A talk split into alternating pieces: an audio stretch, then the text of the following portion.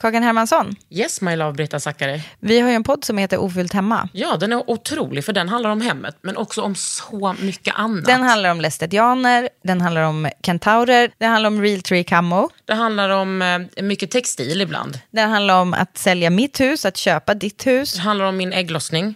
Alltid. Ja. Min också. Tack. Den heter Ofullt hemma och den finns där poddar finns. Hörs i podden, hej då! Burrow is a furniture company known for timeless design and thoughtful construction and free shipping, and that extends to their outdoor collection. Their outdoor furniture is built to withstand the elements, featuring rust-proof stainless steel hardware, weather-ready teak, and quick-dry foam cushions. For Memorial Day, get 15% off your Burrow purchase at burrow.com slash ACAST and up to 25% off outdoor. That's up to 25% off outdoor furniture at burrow.com slash ACAST. Nej, men alltså, du är inte tjock. Jo, men alltså, jag är tjock och det är helt okej. Och jag tycker till och med att det är faktiskt är väldigt snyggt. Idag kommer Gabrielle Källig hit och hon är kroppsaktivist, fettaktivist, body positivity-aktivist och allt vad det heter. Vi pratar om hur det är att vara tjock. Hur det är att ha varit tjock hela sitt liv och hur människor reagerar på det i tid och otid. Och hur man gör för att börja älska sig själv. För det är väl på tiden tycker jag. I Underhuden med Kakan Hermansson. Kul! Det här är en podd från L. Under huden.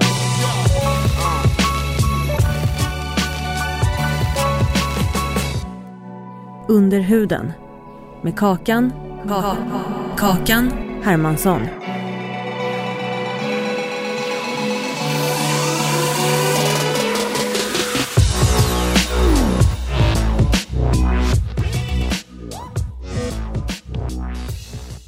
Pallnita. För att jag trodde det var allmän vetskap vad pallnita var. Men så skrev jag det till en kompis idag. För ja, det var en bild där hennes mamma ser ut och då pallnita då hon sprang ett lopp. Och det är då man som tvärstannar. Alltså som att man nitar ner pedalen. Ah. Och hon bara, vadå pallnita? Och jag bara, men va? Är det norrländskt? Är det västnorrländskt? Ja, jag vet inte vart gränserna går. Men det är fortfarande än idag som jag får veta saker som är norrländska. Vadå, hur länge har du bott i Stockholm? Snart tre år. Och va, hur gammal är du? 22. Men gud, flytta direkt. Nu ska jag sluta prata så här. Flytta direkt från uh, Flyttade direkt från lilla Skellefteå. ner hit. Ja, vad fan skönt för dig, alltså. Ja. Uff, jag hatar att åka dit. Men alltså Gabrielle, Gabby. Mm. Du är här. Kanske att du ska vara lite närmare micken. Ska jag vara lite närmare? Ja. Jag är hellre för nära än för. Lugn, absolut. Är det här Eh, bättre? Du är här idag för att du ska ingå i min vecka av så här, kanske en vecka som jag kallar för fatitude. Ja. Eller kroppspositivism eller liksom tjockiskamp eller whatever. Och då är jag så nöjd för att jag har bjudit in dig. Är för jag känns som att du är en så bra eh, person att prata om det. Dels att du är tjock, dels Mhm. att du är så här, extremt beautyintresserad. Du är bi Mhm. och du är, ja men du rasifieras lite till höger och vänster kan jag tänka mig. Ja, pytte. Ja, eh, arabisk eh, eh, norr, västerbottning. Något Jag sånt. vill hela tiden säga att du är norrbottning. Ja, det är ju väster. Ja. Bot- vad heter det? Ja, Västerbotten. Jag tappar bort mig själv. Ja. Du lurar. Jag själv- glömmer vem jag är. Ja, precis. och eh, nej, men alltså, vi går direkt in på det här. Vad tycker du kroppsaktivism är liksom för dig? För mig är det ett sätt att överleva. Och det egentligen innefattar ju allt. Alltså från, allt från hur jag klär mig till hur jag värdesätter mig själv till hur jag typ ser andra. Hur jag tillåter andra typ se mig.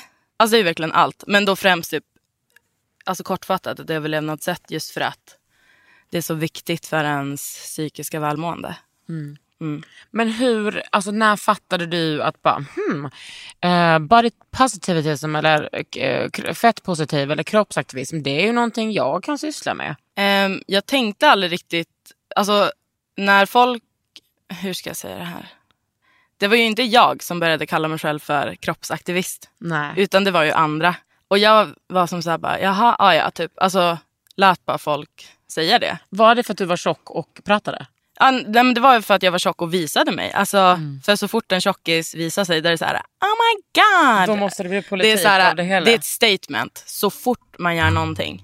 Och så är det ju med mycket annat. Alltså, men ja, så fort jag visade mig själv, lite så, eller bara alltså, egentligen la upp typ en, kropp, en hel kroppsbild. Mm.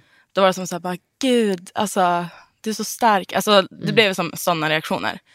Men jag låt, nu idag, eh, 5000 följare senare, så kallar jag mig själv för kroppsaktivist. Ja. Och det är ju som, jag låter andra kalla mig det för att jag tror att de gillar att sätta mig i den rollen. Att så här, se upp till och typ inspireras av. Men gillar du att ha den rollen? Ja, alltså jag har ju ingenting emot den. Men jag ifrågasätter den lite hur den blev till. Alltså, det var ju inte självvalt. Nej, men det är inte, du är inte första tjejen jag pratar med som, eh, som beskriver det så. Att eh, nej, men Jag har liksom en nära vän som, som, som då och då får så här, eh, frågan ah, du som är kroppsaktivist, kan du skriva den här krönikan? Vill du prata om det? Kolla på Hon bara, jag är inte kroppsaktivist. Ja. Jag är, jag är liksom en kvinna. Alltså, jag jag är bara, inte kroppsaktivist. Alltså jag skulle aldrig... Jag förstår att jag, i mig också saker jag har sagt och hur jag porträtterar mig själv och vad jag velat fokusera på. Att jag absolut kan kallas kroppsaktivist. Kalla mig det om ni vill. Men det är inte det jag är. nej, det tycker inte jag heller. Nej. Alltså du, du är bland de första, för mig i alla fall, som typ sa något annat om tjocka som, alltså, som inte var negativt. Mm. Specifikt bilden på dig och Sandra från Idol. För det var ju Ja. shocking för mig. Då du la upp den och bara två tjocka och snygga tjejer. Jag bara, "Äh? Ja. va? Och vadå, hur menar du att det kändes för dig? Det var, alltså jag hade ju aldrig hört någon säga så förut. Typ. Eller säga, alltså det var ju alltid tjock och ful. Det är den mest typ vanliga kombon. Eller bara tjock för att det betyder ful Ja, äcklig. precis. Mm, Verkligen. Så det var ju så här äh, shocking för mig. Eh, men sen hade jag också en kompis, eh, Isabelle, som ganska tidigt för mig, för hon är också tjock. Hon började väldigt tidigt för mig också säga sådana saker. Alltså att man kan vara tjock och snygg och att, att vara tjock inte utesluter något annat alltså om sitt utseende och så här. Bla, bla, bla. Men det har inte jag riktigt tagit in eller tänkt på förrän nu typ i efterhand. Men hon har ändå satt typ många frön i mig som jag har märkt, kanske omedvetet, har blommat fram. Blommat ut till en tjock blomma. Ja, en jättetjock och fin. Ja. Men som går Fillig. kälk. Ja. Men jag kommer ihåg när jag eh, skrev det där och för mig, när jag, det var jag jobbade på Idol, det var kanske fyra år sedan Mm. och eh, fyra och ett halvt eller vad det var. Jag pratade med Sandra om att hon hade fått, hon var ledsen för att hon hade fått så himla många kommentarer. Jag var också helt övertygad om att min analys av att hon var tjock gjorde att hon fick sämre resultat.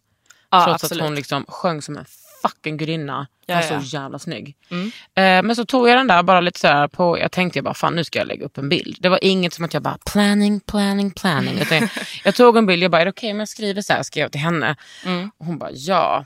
Och den blev så uppskattad. Jag kommer ihåg att Per blev så himla, Per Lernström också blev så, han bara fan gud vad bra gjort. Jag är så jävla stolt över dig och stolt Mm. över att jobba med dig.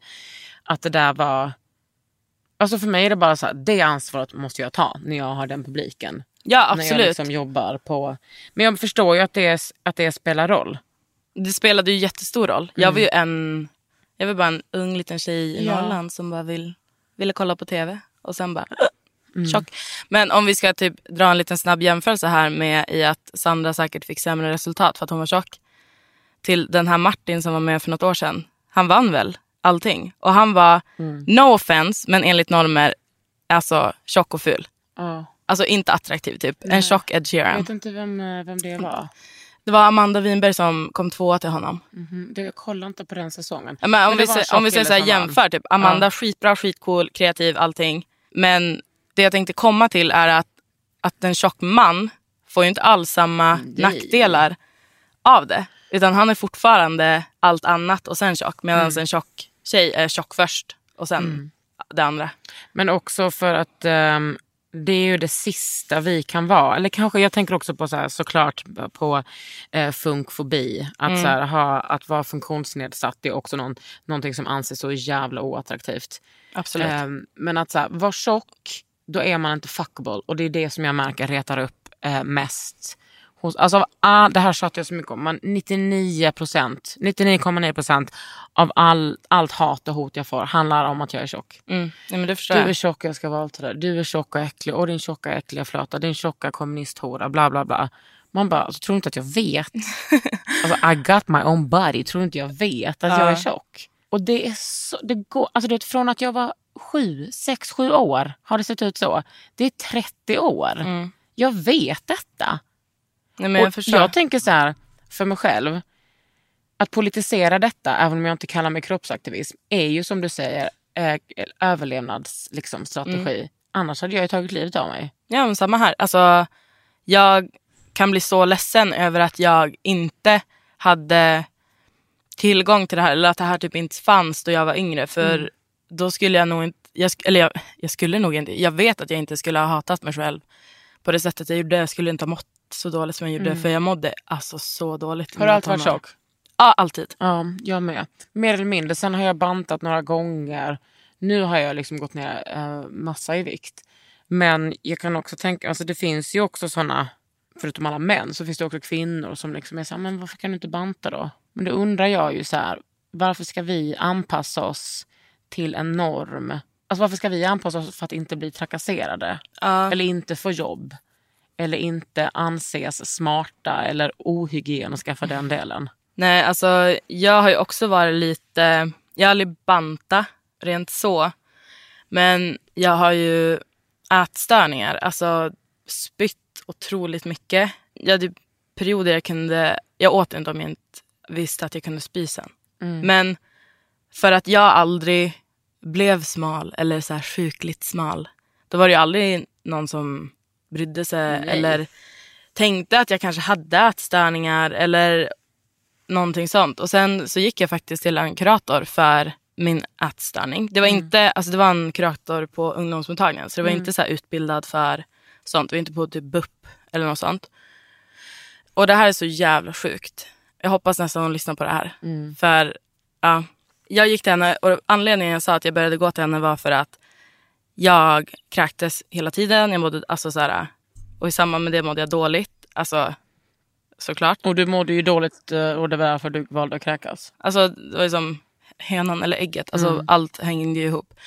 Och jag gick till henne typ sex gånger tror jag. Jag gav henne verkligen så här ärlig chans. Ehm, I efterhand så, så alltså, har jag ju sett att hon är sämst. Alltså, Det hon försökte göra var att typ ändra vem jag är. Hon som ifrågasatte verkligen typ val jag gjorde för mig själv. Alltså typ när jag berättade att jag typ hade stått upp för någonting. Hon bara, ah, men nu gör du det här igen. Att din utåtsida ehm, går upp och tar en fight. Och sen får lilla ledsna Gabrielle ta skiten för det. Då får du må dåligt. Alltså som att jag skulle sluta stå upp för det jag tror på och sånt. Alltså jag skulle minska mig själv. Näst, alltså så här. Ja, ja, ja. Och hon hade nog mycket åsikter om hur du såg ut också kanske. Ja men det hade hon ju och det fick jag ju då veta den här sista gången jag gick till henne. För då typ så någon gång mitt i samtalet så frågade hon om jag var nöjd med mig själv. Och det var inte så här om jag var nöjd med mig själv utseendemässigt eller sådär. Utan det var ju som bara öppen fråga typ är du nöjd med dig själv? Och då sa jag nej. Och då pratar alltså den här kvinnan med mig om att jag borde gå ner i vikt. Och jag har alltså gått till henne för att jag, alltså hon vet, även om inte hon är utbildad, hon fattar väl att man inte säger så till någon som har en ätstörning. Jag åt ju, alltså, jag åt ju inte på flera dagar efter det. För jag mådde så jävla dåligt. Och jag gick ju aldrig tillbaka. Men det hon sa, hon pratade så om en, en person som jag mådde väldigt dåligt över. Hon bara, ah, han har säkert gjort så att du har fått på dig extra kilon. Och typ bla bla bla. Hon bara, jag själv har gått ner i vikt. Så här, du måste bara våga tro på att du förtjänar det. Så kan du också. Det är det man förtjänar att vara smal. Mm. Och då kände jag, alltså, då, det hon tror som är som en nästan generell tro hos alla, det är att bli smal är att vara lycklig.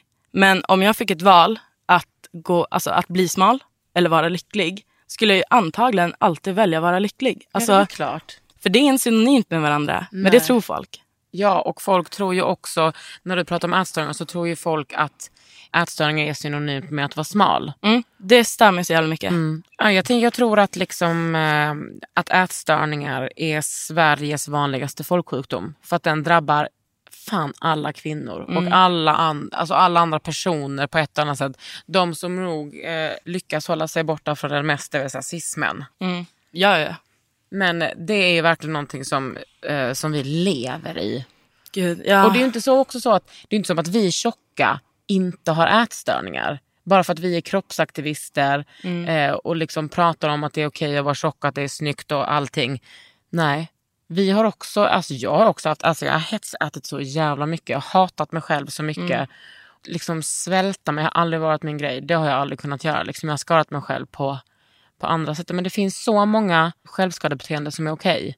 Svälta sig för att man blir, man blir liksom snygg då, när man är smal. Och liksom träna och träna och träna. Jag och min tjej pratade om det igår. Hon bara, det är ju helt sjukt att folk, vanliga människor, tränar som elitidrottskvinnor och män. Mm. Varför gör de det? De tränar så sju dagar i veckan och sen går de till ett kontor. Ja, nej.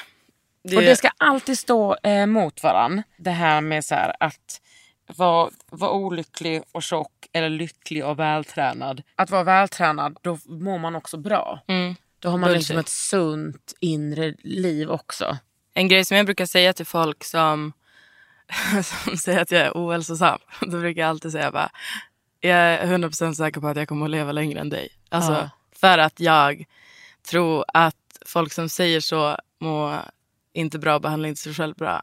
Och då tänker jag att du kommer fan att dö, din bittra jävel. Mm, då måste det krävas... Men det är det som är grejen. va? Att liksom ätstörningar drabbar ju så många kvinnor och andra personer. Så att jag vill inte, jag bara, jag vill inte snacka skit om ätstörningar. Nej, men för att jag vet ju att det är en kvinnosjukdom. Mm. Det drabbar ju så himla många kvinnor. Och liksom eh, intergenders och eh, alla slags eh, transpersoner också. Gud, ja. Det är sånt jävla effektivt sätt att kontrollera sin ångest. Men om vi också ska prata om att det här med att tjocka inte är ätstörda. Eller få, alltså rent. Ingen tror att en tjock kan ha en ätstörning. Mm. Det, jag har ju varit en i princip spypåse från, alltså, åt mina smala kompisar som har ätstörning. Som har ju utan den minsta tankegång eller analys alltså, typ brytit ihop framför mig. Som alltså väger 100 kilo. Mm. Och typ skrikgråtit om över hur tjocka de känner Mm. sig. Detta är faktiskt en punkt som jag eh, har skrivit upp. Mm. eh, smala som säger att de är tjocka. Var går gränsen för vem som får liksom uttala sig och vem som får klaga? För så här är det ju. Om ätstörningar är en främst eh, kvinnosjukdom, jag utesluter inte intergen- intergenders eh, eller andra personer, men vi säger att eh, främst så är det en kvinnosjukdom för att vi måste hitta ett sätt att kontrollera vår ångest i den här liksom, patriarkatet. Eh, då drabbar det ju alla. Mm. Men jag, vill, jag tycker fortfarande att det är... Alltså det är samma sak för mig. Så att folk har pratat om hur tjocka de är. Man bara, jag sitter här. Mm. Jag sitter här. Du pratar om hur äckligt du tycker det är att du har gått upp i vikt. Mm. Vad Ja, gud. tror du att du gör med mig? Ja, alltså jag fattar inte hur man kan ha den tankegången. För också så här, varför, en grej, jag, jag har ju aldrig gjort det här mot någon. Alltså jag har aldrig, fastän jag är tjock, har jag aldrig suttit och pratat med någon ledset över att jag är, alltså mår dåligt över att jag just är tjock. Alltså aldrig på ett sätt som är belastande för personen som lyssnar. Eh, och det har jag gjort för att jag vet, jag har alltid vetat att de skulle inte kunna säga någonting. För jag är ju tjock. När mina smala kompisar har klagat över att de är är tjocka. Då har ju alltid det de vill höra är ju bara nej du är inte tjock. Du är jättefin. Jag är så trött. Den jag, grejen. jag liksom blev så sur häromdagen när en god vän till mig sa men du är ju inte tjock. Jag bara, men det är ju så här. Men det förstår jag också så här, en person som inte är med i tjockisdebatten som du och jag alltid är. Mm. Kanske inte förstår det och hon vill ju bara gott. Men så här, för mig är det så här, tjock för mig betyder inte längre dåligt. Tjock är så här, jag identifierar mig med det. det är en beskrivning. det är en beskrivning som inte är laddat för mig. Det är också så här, ska en person som är svart inte få säga att den är svart? Jag, skri- jag har skrivit om detta i min, i min bok, i Hela kakan, om liksom fatshaming. Där jag säger att nej, man kan inte jämföra fatshaming med rasism, eller sexism, eller homofobi, eller transfobi för den delen. Men det är, det är förtryck som man kan, man, kan, man kan dra paralleller med dem i, liksom, i hur strukturer ser ut. Mm. Det var det jag precis gjorde. Ja men alltså just tjockisföraktet det är det enda folk som typ förnekar. Man kan, när någon är ledsen över att det har hänt något sexistiskt då är det inte så att man bara men du, du är ju inte kvinna. Eller alltså, såhär, Du blir inte utsatt för det. Alltså, Precis som du säger. Alltså, man blir alltid förnekad i det. Och det som också gör mig galen det är att även fast jag pratar neutralt, bara nämner att jag är tjock direkt. Du är inte tjock, du är jättesnygg. Och så, jag bara, men jag sa aldrig något annat. De bara, men nej, alltså du är bara sn- snygg. Så ska man behöva gå ner på nivå 1A igen. Ja men där är så här, snälla. Jag står här framför dig. Och jag har byxor som jag köpte flera par av för något år sedan. För jag hittade aldrig byxor i butik. och du säger till mig att jag inte är tjock. Alltså folk kallar mig tjockis om jag typ blir arga mot dem. Alltså, Men, jag, men du ska säga att jag inte är tjock. Alltså, det är så här, men, alltså, de ska alltid, varför ska man trösta mig över något jag inte är ledsen över? Den är bra. Varför säger Ja. man vi tröstar dig? Ja. Alltså, jag, jag, jag är inte ledsen, men ändå ska de börja trösta mig. Jag säger bara typ, jag kan inte ens skoja, säga ett skämt något om att jag är tjock. Nej. För det är folk obekväma. Fast det är typ den... Typ, det är så tydligt att jag är tjock. Det går liksom inte att gömma att jag är tjock. Men jag får ändå inte skoja något om det. Det är som Nej. att det ska vara osynligt. Att det ska inte pratas om. Men jag är ju det och jag är ju här. Alltså, men så fort jag säger något om det så ska det förnekas. Och det är jävligt frustrerande och provocerande. Grattis Mm. världen. När, när jag skrev min bok så läste jag så många forskningar Mm. om som hade gjorts på Yale, på London University College, alltså på massa liksom, högskolor och universitet. Och där var det ju såna sjuka undersökningar som, som hade gjorts online där folk kunde vara, kunde vara anonyma. Där var det ju bland annat liksom ganska höga siffror på att folk uppvisade att de hellre skulle skilja sig, amputera bort en kroppsdel eller leva ett år mindre i sitt liv än att vara tjock. Och det var ju liksom det var så mycket om så här, hur tjocka barn behandlades. Att så här, tjocka barn eh, lever i en psykisk ohälsa som kan liknas vid att de har cancer. Alltså det var så mycket vidriga saker. Eh, och eh, kan liksom undra lite varför det är någonting som aldrig har pratats om. Jag menar jag kommer ju från en sån riktigt gammal survänster feminism. Där vi aldrig, aldrig, aldrig pratade det. Och vi pratade framförallt aldrig om ätstörningar. Även om alla var så jävla ätstörda. Och använde olika, du vet veganismen som en bra ursäkt för det. Och liksom, det var väldigt vanligt med självskadeligt beteende. Men just ätstörningar pratade vi riktigt aldrig om. Och jag, det var alltid så här att de smala punktjejerna, de flesta var ju smala punktjejer som, hade liksom, som var håriga. Där var det liksom helt okej. Men när jag kom som var tjock och hårig, det, för, det förändrade allting. Då kunde inte jag vara en sån här liten sexig punktjej.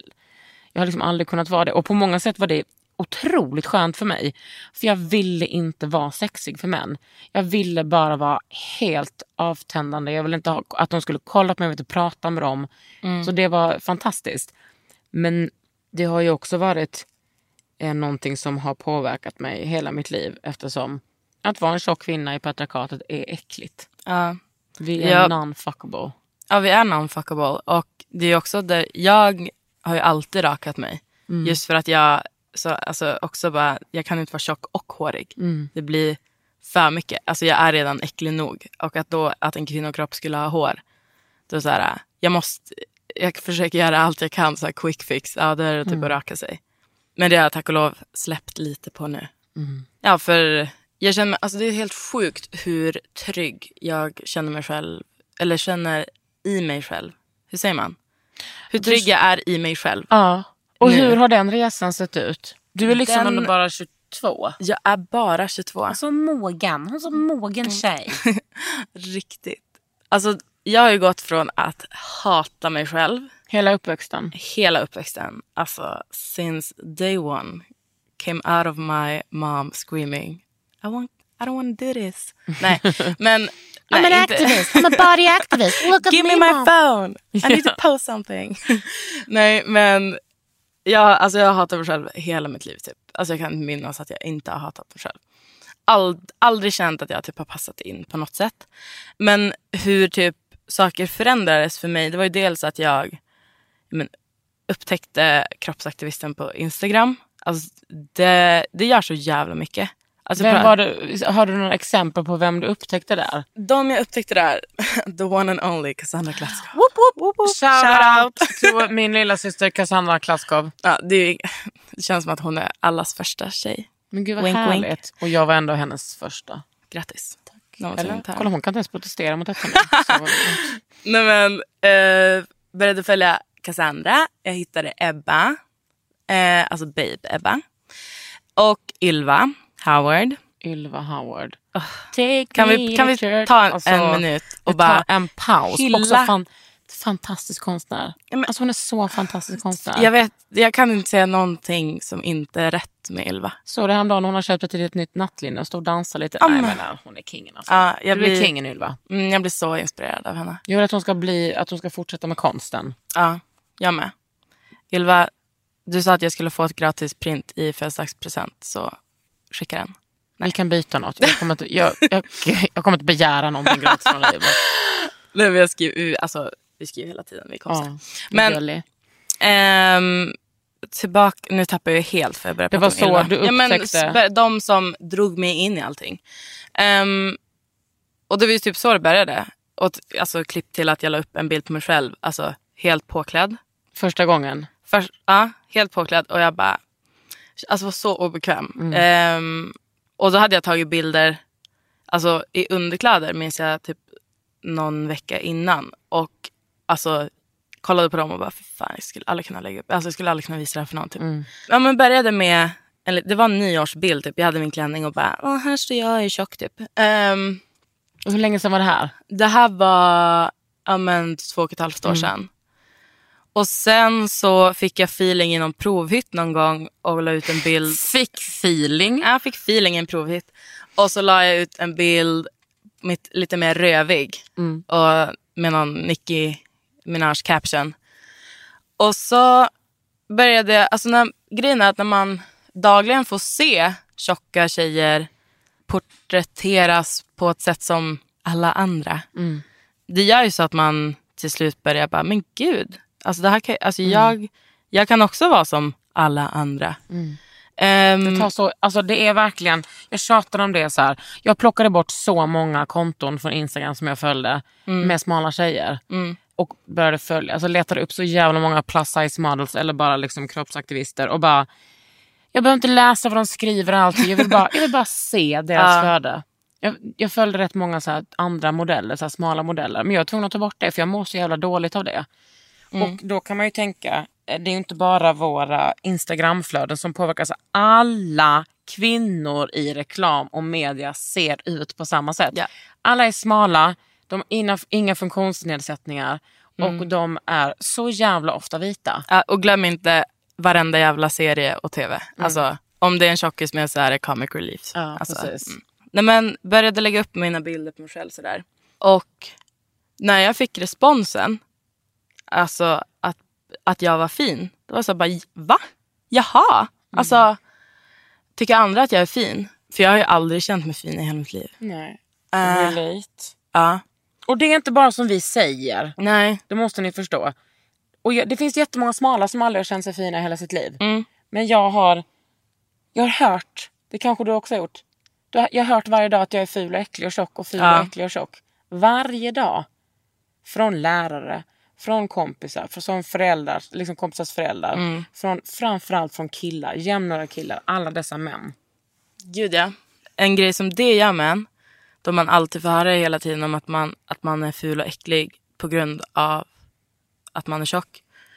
Det är att du förlorar väldigt mycket av din röst för du är rädd ibland för att säga emot för du orkar inte få höra just då att du är en jävla tjockis. Nej, nej, nej. I varje, i varje tillfälle. Ja, alltså man måste, bara, ska jag säga någonting så bara nej, han kanske flippar och går på hur jag ser ut, min storlek. Så det är så här, most likely kommer han göra Ja, det. most likely. Så där är det så här bara, nej jag, jag är inte riktigt så stark och Nej. stadig idag. Idag så pallar jag Skippar. inte. Men det måste du ju ha varit med om. Det här är ju så himla vanligt. Så här, killar raggar på en på krogen. Eller tafsar till och med. Om man säger till eller dissar Mm. dem. De bara, håll käften jävla tjocka fitta. Trodde jag ville ha dig. Mm. Man bara, alltså, du sa ju precis att du ville ligga med mig. Mm. Men det där slår fan aldrig fel. Det där hände mig alltså för två år sedan. Ja, nej men det, det händer. Jag, blir, det, jag brukar bli kallad för feta kossa i dissen. Eller då Mo. jag har dissat. Mm. Alltså, men det är ju ett sätt för män att låtsas som att det var deras val. Mm. Fast det var jag som sa nej. Men de har ju kontrollbehov något så djävulskt. Mm. Så. Och hybris för den delen. Alltså, Det är så sjukt vad fula så ful, killar. alltså jag blir galen på det. Hatar Jag, fula killar. Alltså, det är så fula killar som skriver till mig i DM. Och då känner jag bara, hur, alltså, här sitter jag, supervacker, Ja. fin, underbar, härlig. Och jag vågar, Äh. in, jag vågar inte ta kontakt med Nej. den jag typ crushar på. Eller Ja. jag vågar inte börja följa Är den där en snygga. drottning. Ja, jag, jag sitter här och är en drottning. Vågar ändå inte ta kontakt med någon jag är intresserad av för att jag är rädd för att bli rejected. För jag är övertalad om att ingen vill ha en tjockis. Ja, ja, ja. Eh, och, så sit, och så kommer de här fula killarna utan problem flera gånger på rad. Är, alltså, Samma hej, personer som... Samma personer, de skriver i halvår. Alltså, hej, hej, hjärta, vill du prata? Typ, Är jag det tycker om som- dina bilder. Är det många som slidar rakt in i din DM? Är Ja, det en ja. vanlig grej? Mm. Fan, ingen gör det med mig. Eller jo, några gör det, men det Jag är... tror många tror att det är chanslöst med tanke på att lesbisk och tjej, ja, Ja. har tjej menar jag. Ja, Alltså, både och. är tjej och har tjej. Ja, är Get a woman who can do both. Ja, precis. Ja, men kanske, men det brukar ju inte stoppa män. Nej, det sig. brukar inte det. För de brukar ju vara, alltså, Men, hetaste drömmen är tacksam. omvända. Nej men alltså jag är ja. jätteglad.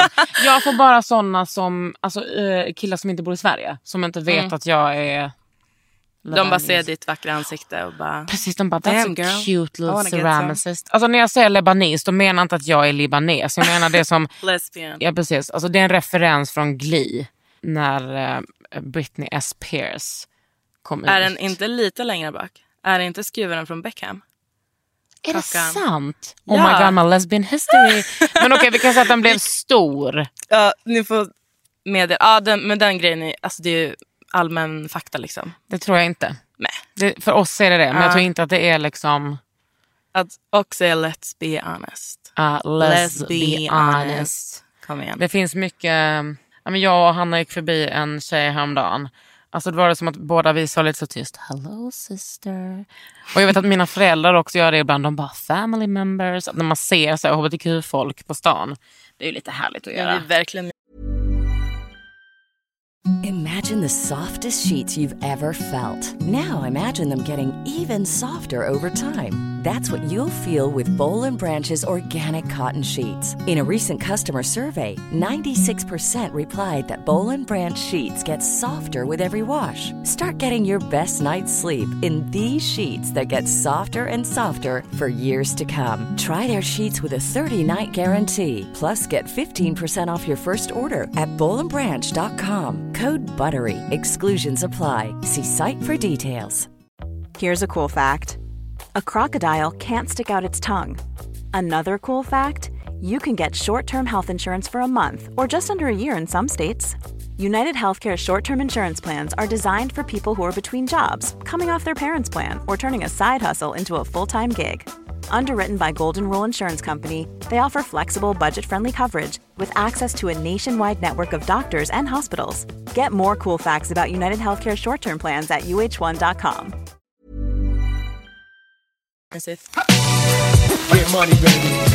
Under huden. Du har ju fått den enorma gåvan att vara bisexuell. Mm. Och där måste det ju vara en sån jävla skillnad Mm. i hur din relation till din kropp ser ut i olika relationer. Mm. Jag gjorde en skiss här samtidigt. Till olika kön. Alltså, ja. Men gud, nu gör jag en skiss här.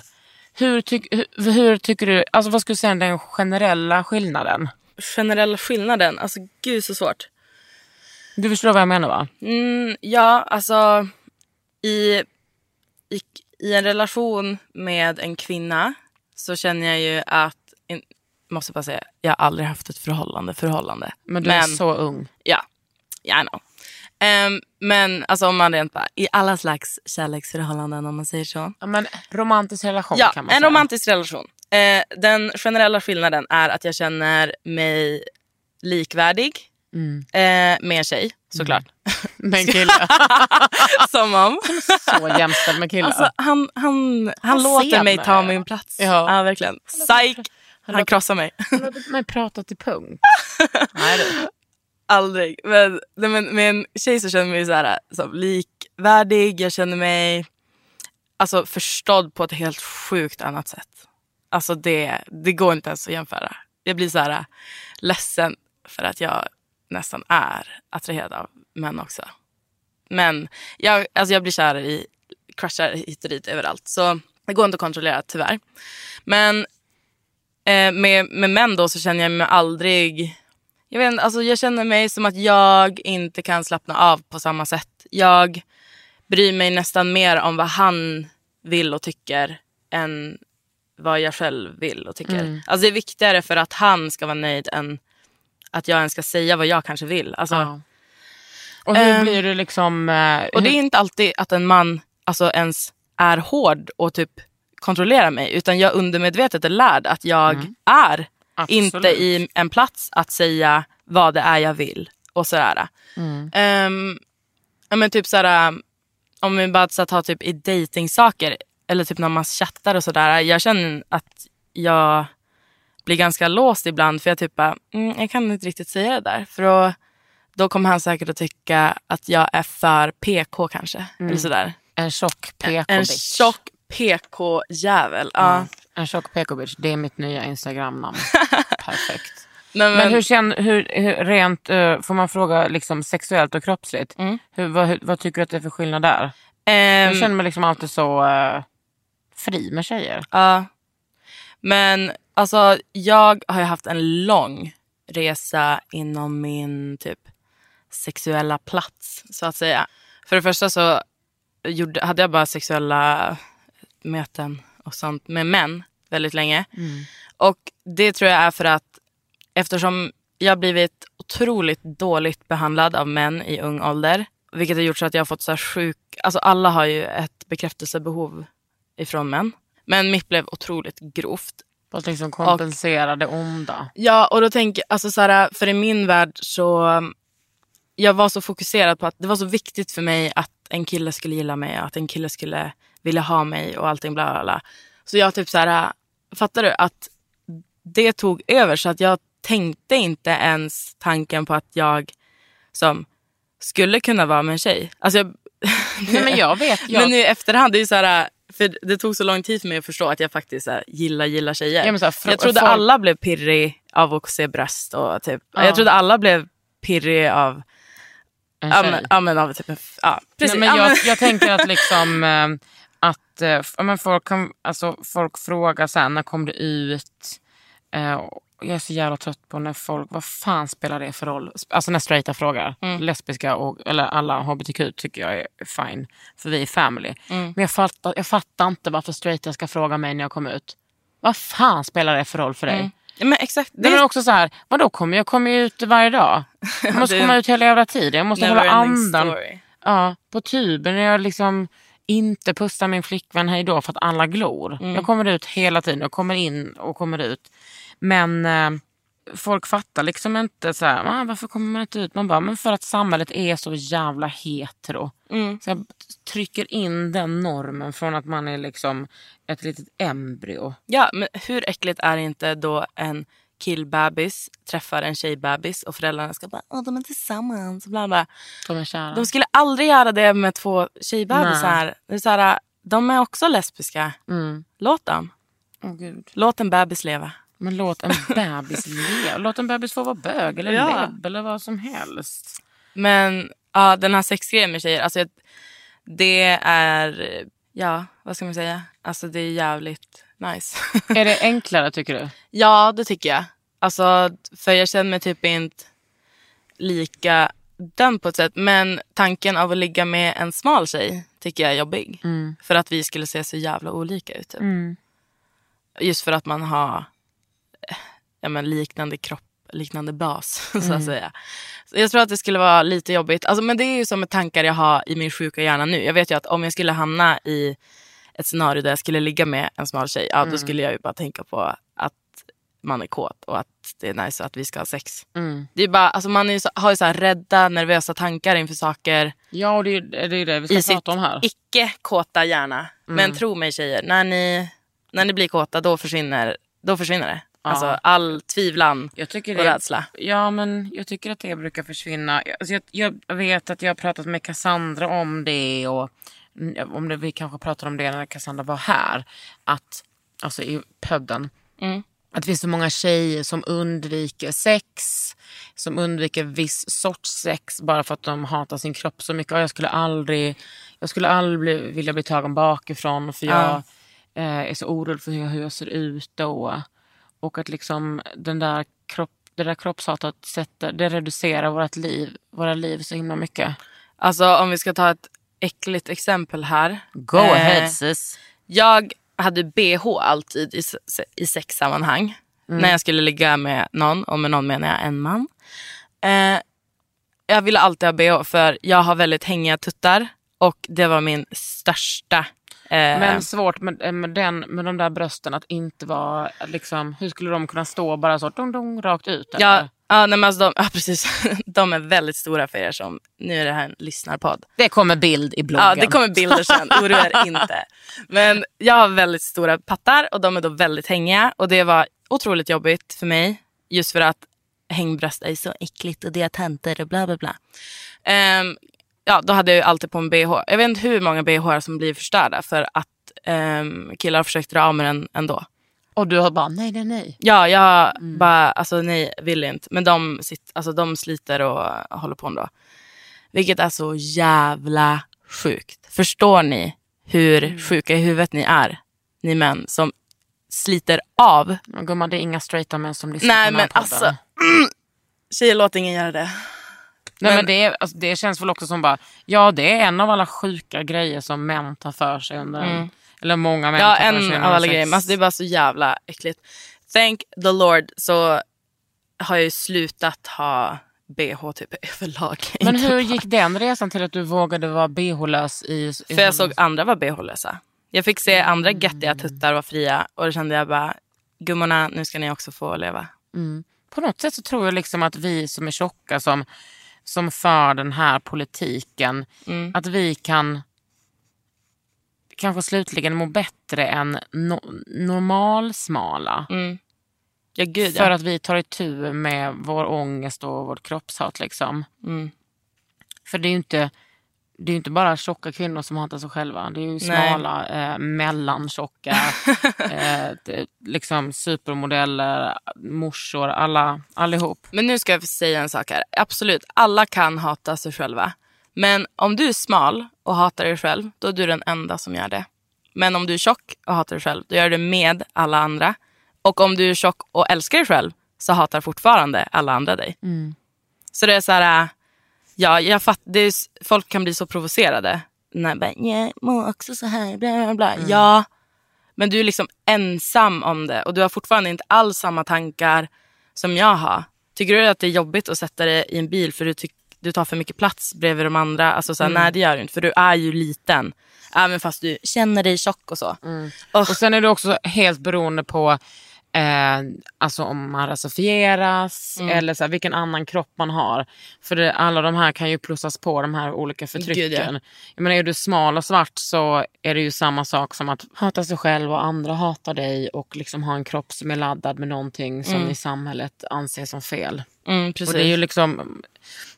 Det, det sjukaste jag läste i de här undersökningarna var, förutom då att eh, folk hellre vill amputera bort en kroppsdel än att vara tjock. Nej, men det var att, det var så på, på jobb och arbete i den kategorin, att eh, kollegor och chefer kommer tro att du har dålig kontakt med din familj. Va? Ja. Men Nej, men det, var en god punkt alltså. Det var en god punkt. Också såklart att man har dålig hygien Mm. och att man är dum. Mm. Eh, och att man kommer inte få samma jobb. Men det var Lady Damen var här och vi pratade också om att vara tjock och hon påstår ju att att vara tjock är den största diskrimineringsfaktorn i Sverige för jobb. Men det, det tror inte jag på. det kan ju inte vara sant. Nej, gud nej. Snälla rara, vi har en, eh, vi lever i ett rasistiskt Alltså land. om vi, om vi ska prata bara ifrån vita människor, absolut att vita tjocka har svårare än vita smala. Men det är ju inte det största. Nej men alltså inte ens vita, där skulle ju kön gå före liksom. Ja, Men det är ju inte som att så här, Mohammed kommer, bara, kommer gå före en, eh, en tjock vit person och bara... exakt. För man skickar väl inte ens med foto? Eller jag vet inte när man söker jobb. Jag har sökt ett jobb på hundra år. jag har typ inte heller sökt några jobb så jag vet inte riktigt.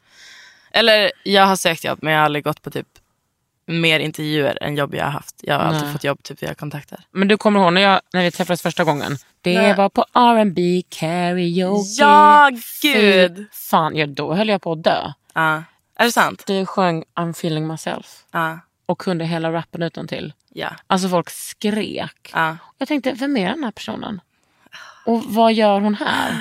Varför står hon inte... Ja, det var så... Fan, Det var enda jag kunde tänka på att du satt där längst fram med din vita polo och jag bara, där är kakan. Nej men Min gud.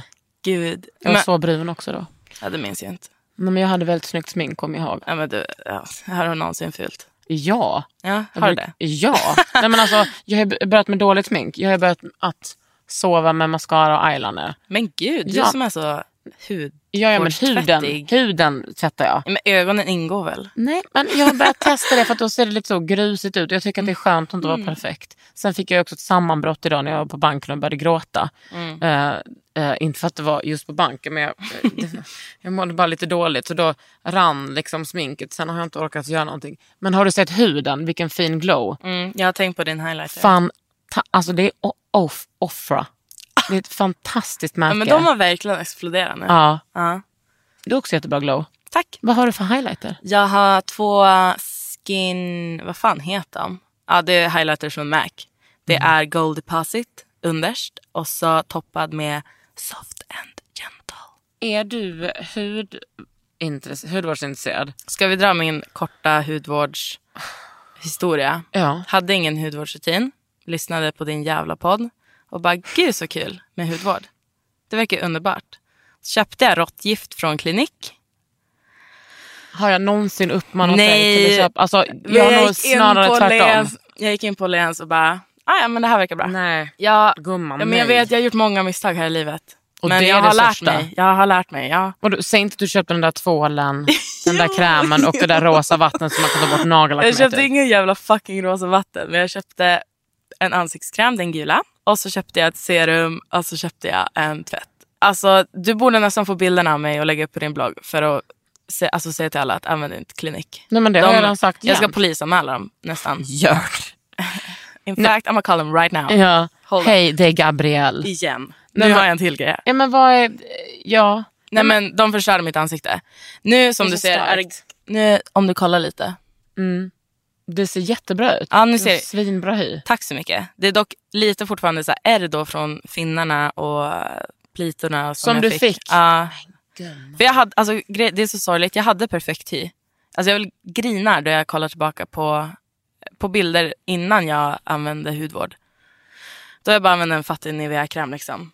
Lite då och då. Det är nästan så Då att jag var- vill säga gå tillbaks till det. Ja men det är ju det jag har gjort. Men du, du sminkar ju dig. Du är så bra på smink. Mm. Och eh, då måste du ju Alltså det tvätta bort det. Ja, och tvätta bort det, då använder jag en tvätt från Oliv som jag köper på apoteket. Ja. Och det är typ, alltså det är inget avancerat märke. Och jag det tror behöver inte vara avancerat. Nej, och mitt ansikte behöver inget avancerat. Jag tror att mitt ansikte behöver bara lite så här halvbra produkter. För den sköter sig själv. Men jag duschar alltid då jag ska sätta bort mitt smink. Jag pallar inte stå böjd över Mm. Där är handfatet. lite jag med. Alltså det är så jävla jobbigt. Men du kan ju Eh, också testa att tvätta bort med en blöt liksom, handduk, en sån liten. För då blir det inte det här att det rinner liksom. Ja, alltså för det är det. När man står där böjd, det rinner smutsig foundation, Ja, det inte. vatten längs armarna. Det gör det inte. Typ undersidan av själva handfatet är så här randigt av smink för det har sölat ner. Nej, jag, satt, jag hoppar in i duschen och tvättar av det med min olivtvätt. Mm. Och sen när jag hoppar ut så... Hoppar ut. Åh gud. Nej, men då jag går ut ur duschen så... Jag tror jag säger hoppar för jag är i ett badkar. Åh gud vad underbart med badkar. Det är min största dröm. Ja, du får komma och bada hos mig. Ja. Men då brukar jag använda så här L'Oreal soft eller någon så gentle eye makeup remover. Alltså Ja. den är skitbra. Det är så tvådelad blå och vit. Du kan typ hälla den i ögonen, den svider inte. Ah, underbart. Ja, dock de har kommit med någon ny som är helblå, köp inte den. För det är typ syra. Alltså den är inte gentle. Okej. Även fast det står på.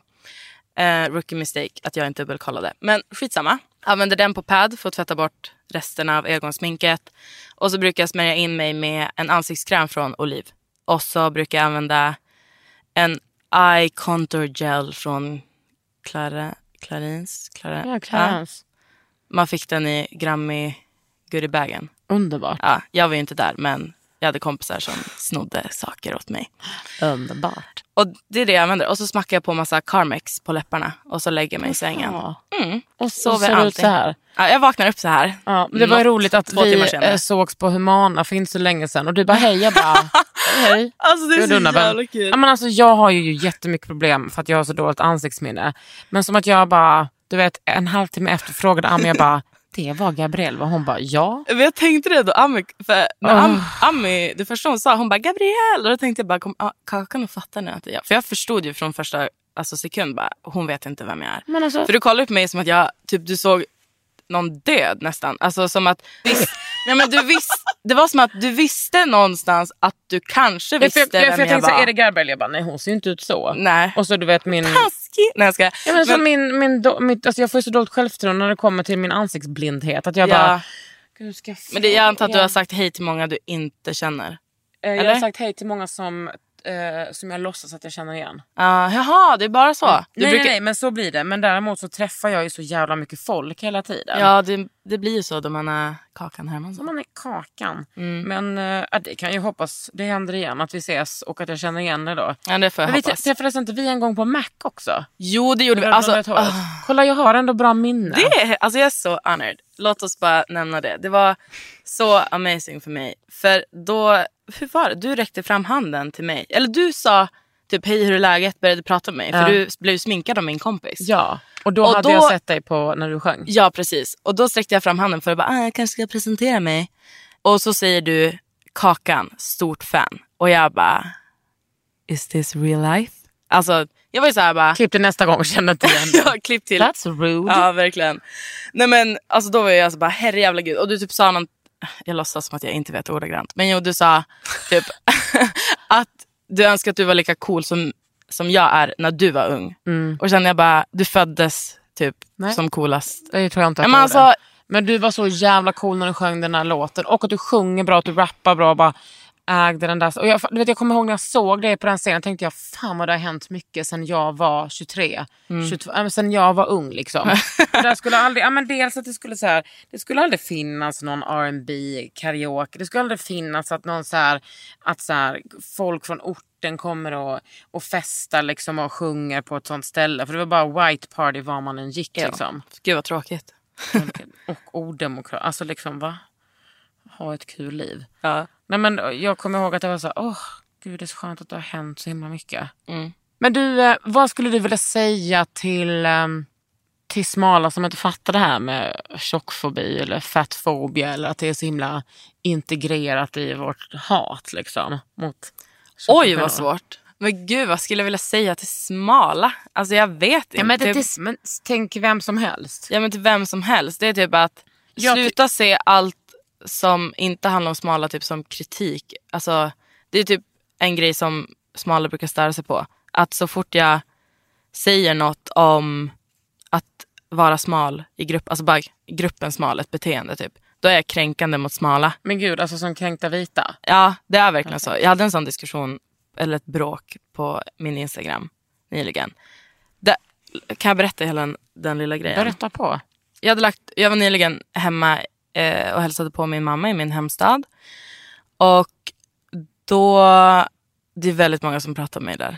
Det fattar Ja. jag. Hon har, hon har åkt till Stockholm Ja. och hon tror hon är något. Hon är Ja. fortfarande lika tjock. Ja, exakt så. Har du hört? Hon är bisexuell. Ja, det är exakt så jag tänker att folk pratar om mig. Typ, vad, vem tror hon att hon är? Verkligen.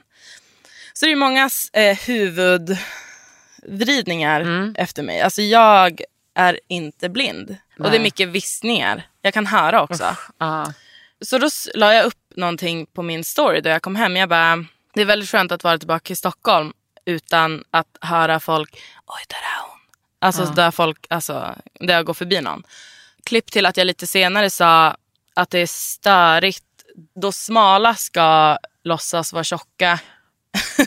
alltså lägga upp en bild på deras platta mage och alltså icke bristningar eller cellulitiga lår och skriva en text om att ha en stor mage och Nej, att nej, alltså- ha bristningar och allting. Nej, och, och, alltså, ha valkar. ja, precis. Ställa Dessa valkar. Ja. Nej, nej. Ehm, jag sa att det är så provocerande för mig. Mm. Alltså så här, sätt dig ner i båten och håll käften, sa jag. Och då kommer en smal bekant i mina mentions och säger, det är väldigt hyckleri att du först eh, säger eller pratar om att det är jobbigt hur folk reagerar över din storlek. Vilket jag aldrig sa. Hon antog alltså att folk viskade om att jag är tjock. Vilket visar hur tjockhatande hon är. Men ja, antar det. Och så skrev hon att, och att du sen inför hela världen eh, är kränkande över smalas kroppar. Och det är så här, bara hur hon alltså, la upp meningar. Alltså först, först bara sitter jag på min story. Men när jag pratar om mig själv och att jag eh, tydligen pratar som för att jag är tjock. till att jag inför hela världen alltså ska dramatisera det så otroligt. För Hela att, världen. Ja, det är hela världen. 5000 följare hela världen. Ja, gud ja. Jag önskar att det var hela världen. Ja. Skulle jag ju kunna göra en jävla skillnad. Mm. Men ja, och så bråkade vi typ hela dagen. Och Men skrev hon detta i, på din Instagram? Alltså på Så hon- DM, i DM. Ja, ja, ja. Så hon Ja, så vi hade ju- inte... nej men det slutade med att hon typ, för jag skrev kanske något om att hon var dum i huvudet. Och då skrev hon, för att jag är smal eller? Man Ja, bara nej, pepe, för att pepe, du, pepe. för att du alltså, har keffa åsikter. Mm. Eh, och så, ja, för hon skrev också en grej, typ så här, bara, om du inte vill att folk ska vara kränkande mot dig så kanske du ska sluta kränka andra. Och då känner jag bara, oj. För det första så brukar inte jag gå runt och kränka andra.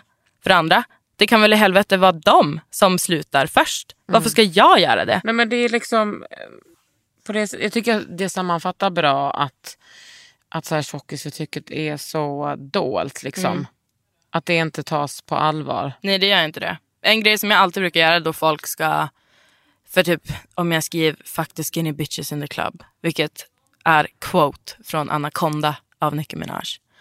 Då är det jättemånga som brukar flippa och då brukar jag skriva “eftersom du står upp...” För de, skriver, de påstår ju alltid att det är, inte, det är inte rätt att skriva något taskigt om någon kropp. Nej. Då brukar jag alltid bara show me the receipts. Alltså på att du har skrivit till någon smal. Som har skrivit, alltså att du har gått in och försvarat tjocka någon gång. Visa mig det.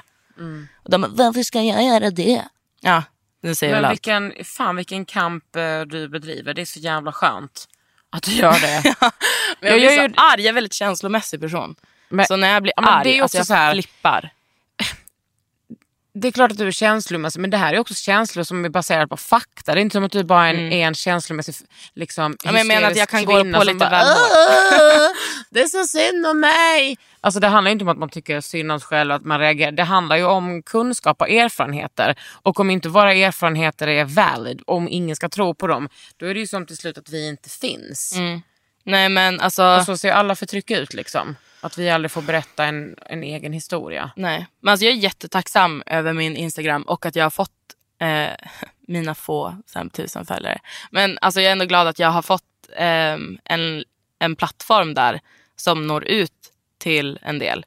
Och att alltså, veta att jag gör en skillnad. Alltså, för det är ju folk som skriver till mig dagligen att jag typ har hjälpt dem och att det finns de som skickar bilder. Bara, jag vågade lägga ut den här bilden idag. Typ. Jag vågade ha på mig de här kläderna idag för, på grund av dig. Så bla, bla, bla. Vilket är så skönt. Alltså jag blir så glad över varenda person som skriver så till mig. Och en grej som jag gör mycket på min Instagram det är att jag anspelar ganska mycket på sex. Ehm, att jag, inte alltid och i varje bild, men jag brukar ofta lägga upp typ sexiga bilder. Och det är ju en grej som ibland stör folk. Och typ så här, typ, varför ska du, varför måste du vara sexig Du har och skrivit en så bra kommentar på det. Mm. Kommer jag ihåg. För att jag har varit så här, varför måste alla kroppsaktivister vara sexiga? Varför måste vi få, kan vi inte bara få vara? Men då skrev du, Alltså det är då jag skrev om att jag trodde att ingen ville ha sex med mig. Mm. Ja, den texten. Ja men det är mycket därför. För det jag känner när jag eller, alltså, visar att en tjock tjej kan vara sexig. Det är att då sätter jag i det fröet i dessa tjocka unga tjejer. Mm. Alltså så att de kan också tro det om sig själva. Mm. Och därmed inte utsätta sig för all sexuell utnyttjning och sånt Mm. som jag har. Eftersom jag trodde att ingen kunde, alltså jag kunde omöjligt vara sexig eller åtråvärd eller Mm. attraherande för någon. Då var ju, det, jag, trodde, jag hade ju inget sexuellt värde överhuvudtaget. Och då ställde jag ju inga krav Bara hata Jag dig våg, själv. ja, jag våg, alltså typ, om jag hade sex med någon så kände jag inte att jag kunde våga be om någonting heller. För jag borde vara tacksam över att den ens vill röra mig. Gud ja. Och det är så jävla vidrigt och därför känner jag att det är så viktigt att visa att du kan vara sexig i din tjocka kropp. För om du, våg- alltså om du börjar tro på det själv först så kanske du vågar ställa krav. Och speciellt om du börjar tänka dig i tidig ålder. För det är i tidig ålder man får ett sexuellt värde. För det är inget man egentligen typ hittar på själv. Alltså, det är något som Man- ges. ja, som du får som utav en behandling. Mm. Ja, alltså om den första du ligger med inte lyssnar på dig, vilket han knappast gör om du ligger med en man. Mm. Och typ tjatar och allting. Alltså om det händer första gången, första gångerna, då kommer ju det vara ett beteende du har lärt dig och i fortsättningen alltså göra för det du tror att det förväntas av dig. Och ja, alltså Och det är bara en i- dålig spiral. Den, eh, i- det i kombination med att du aktivt hatar din kropp Mm. är fan livsfarligt alltså. Ja, för fan. Alltså det är så mycket typ icke-sex jag har haft för att, för att jag har känt mig så äcklig och låtit då typ vem som helst Mm. försöka göra något åt det. Jag vet inte. Alltså, det är så jävla sorgligt och jag önskar ingen det. Ja, alltså du har lyssnat på den här fantastiska podden om kroppsaktivism med mig, Kakan Hermansson. Och mig, Gabrielle Schellig. Under huden med Kakan Hermansson. En podd från L.